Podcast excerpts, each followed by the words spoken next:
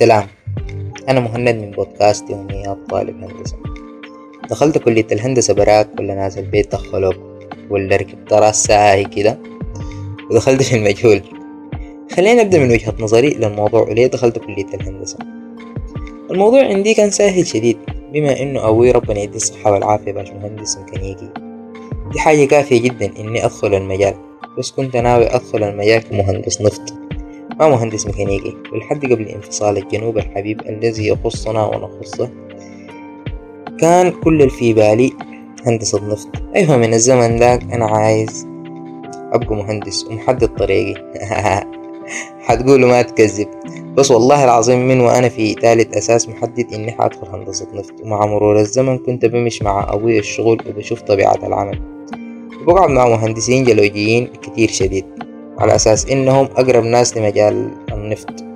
ومرت الأيام والجنوب انفصل وهنا أنا الانفصلت ما الجنوب وأنا كنت بحضر لدخول الثانوي خلاص الرغبة ماتت. لأنه ما بترول في البلد وبقيت حاير وما عارف أختار يا تخصص هندسية ولا حاسوب ولا أحياء. فخليت الماما تختار لي. قالت لي أحياء يا مهند مرت الأيام بكل شي فيها ووصلت تالت ثانوي. كنت تخصص أحياء. أيوة. أنا كنت تخصص أحياء.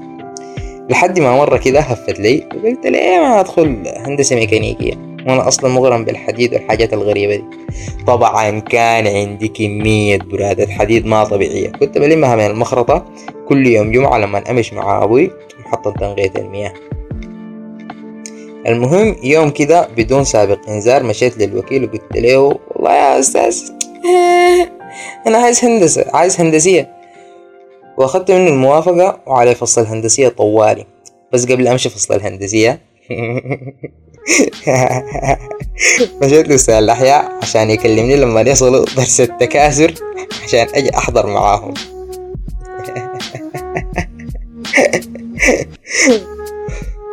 وما كلمت أمي.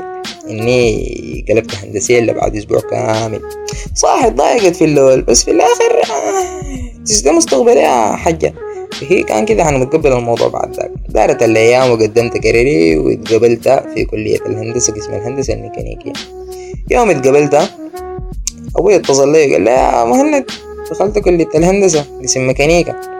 عايزك تعرف حاجة واحدة الميكانيكا دي لا احترام ولا بنات. ومن هنا تشكلت عندي الحاجة اللي بتقول في الميكانيكا لا احترام ولا بنات. دي قصتي عن كيف دخلت كلية الهندسة وتحديدا قسم ميكانيكا. في ناس تانيين دخلوا الميكانيكا ركوب راس ساي. وحذكر منهم صديقي محمد العطا محمد كيفك؟ إن شاء الله طيب أنت. آه محمد لما جاي يقدم قدم أي شي ممكن. ومن ضمن الحاجات اللي كانت ممكنة الميكانيكا ويتقبل فيها. فأبوه ربنا يمتعه بالصحة والعافية. قال له محمد بتقدر عليها؟ وفي رواية أخرى آه عايزة إن محمد ركب راسه وقال له آي عايز الميكانيكا دي. آه دي كانت قصصنا وليه دخلنا هندسة؟ ورونا قصصكم في التعليقات وما تنسوا تحكوا لنا طريق بطريقة مضحكة. انتظروني السبت الجاي بمشيئة الله مهند إبراهيم من بودكاست يوميات طالب هندسة. فتكم بعافية سلام.